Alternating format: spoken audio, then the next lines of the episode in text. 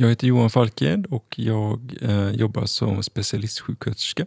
Jag heter Monica Sigurdsson och jag arbetar som kurator och vi arbetar på flyktingmedicinsk mottagning.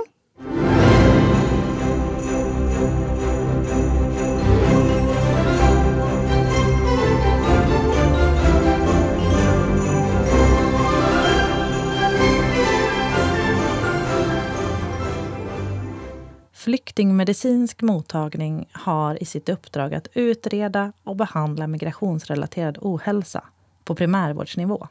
Det kan handla om traumatiska erfarenheter från hemlandet, från flykt eller svårigheter i Sverige som påverkar hälsan och ger olika besvär.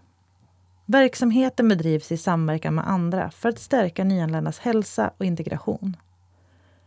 I uppdraget ingår också att ge hälsoinformation till nyanlända och vara ett kunskapsstöd för den övriga nära vården.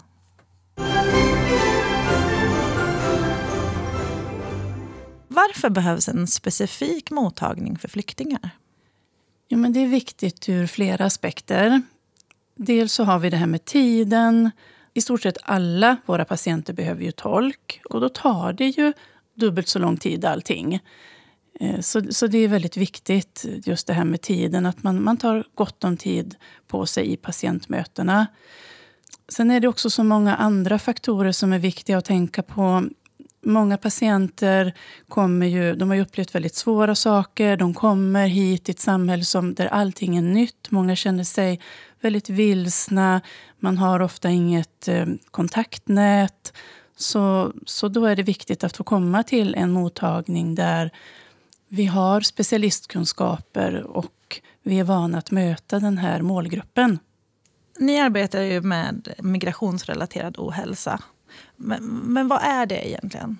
Vår definition av migrationsrelaterad ohälsa är ohälsa relaterad till migrationsprocessen. Och då är det före, under och efter processen. Symptom på eh, migrationsrelaterad ohälsa kan vara stressrelaterade besvär, sömnstörningar, oro och nedstämdhet och vi screenar regelbundet mot posttraumatiskt stresssyndrom. Hur kommer patienter till er? Man måste komma på en remiss och de som kan remittera det är handläggare inom arbetsförmedling och socialtjänst som arbetar med nyanlända i det som kallas för etableringen främst.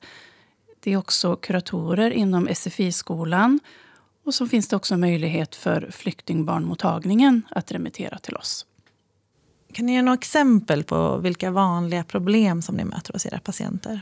Det som ofta framkommer under hälsoundersökningar det är ju en, en oro och eh, stress kring sin nuvarande livssituation.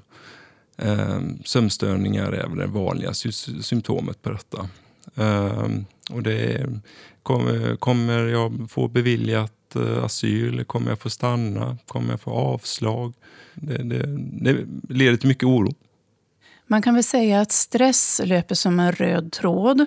Både genom migrationsrelaterad ohälsa som är basen för, för de vi möter. Sen har vi nästa steg om vi tänker oss en pyramid. Eh, där finns de som är traumatiserade och sen har vi den toppen på pyramiden, det är de som uppfyller kriterierna för PTSD. Så stress löper igenom alla de här eh, besvären. Man kan väl säga ett exempel som jag kommer att tänka på nu, det är två ganska långvariga kontakter som jag hade med eh, det var änkor. De var båda änkor och de hade båda kommit ifrån sina barn på flykt. Eh, och under den här tiden så var det ju oerhört mycket stress förstås och oro. Olika kroppsliga besvär som mycket värk, eh, svårt att sova. Eh, och, i, och mycket stöd förstås behövde de ju. Att försöka hjälpa till att, att känna något slags hopp. Och samma dag som barnen kom till Sverige så försvann alla hälsobesvären.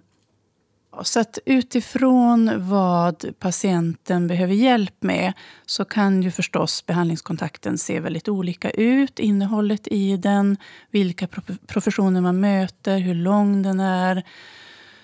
Och ibland är det ju då situationen som gör att personen mår oerhört dåligt. Det kan vara oro för anhöriga i hemlandet eller sådana som man har förlorat kontakten med.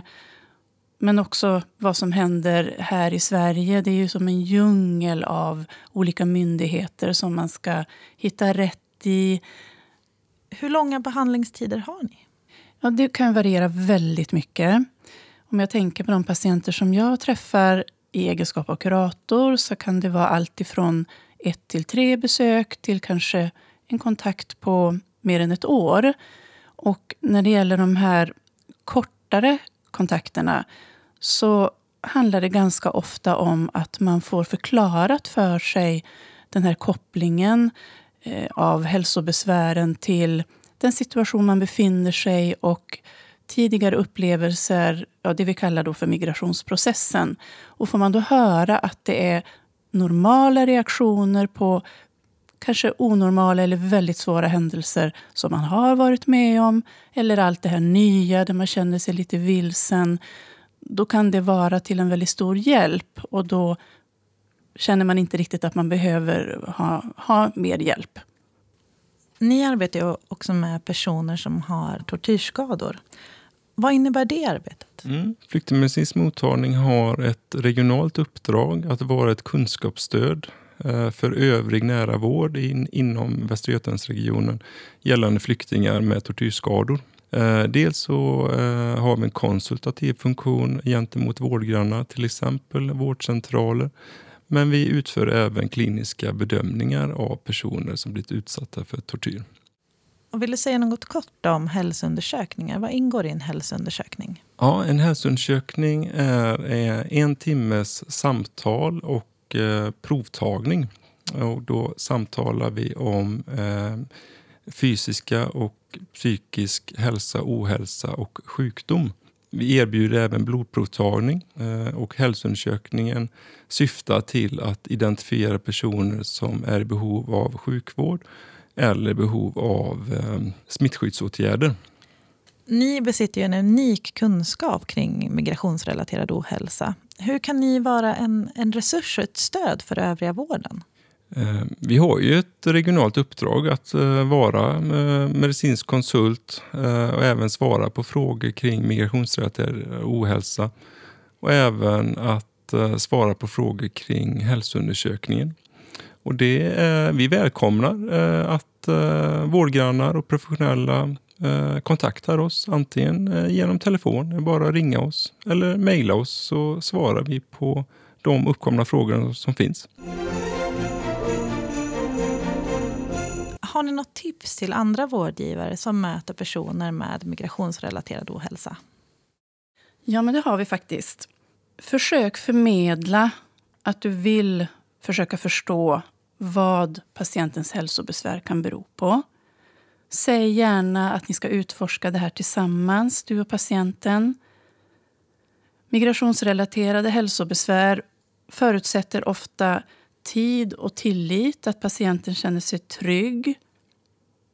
Och kom ihåg att en traumaberättelse är inte sällan väldigt fragmenterad. Ja, tiden är verkligen en faktor, som du säger Monica. Eh, andra tips är att ha ett öppet sinne i kontakten med sin patient och, och våga fråga och fundera bortom vad symptomen kan stå för. Men också att ha ett multidisciplinärt förhållningssätt och behandlingsstrategi.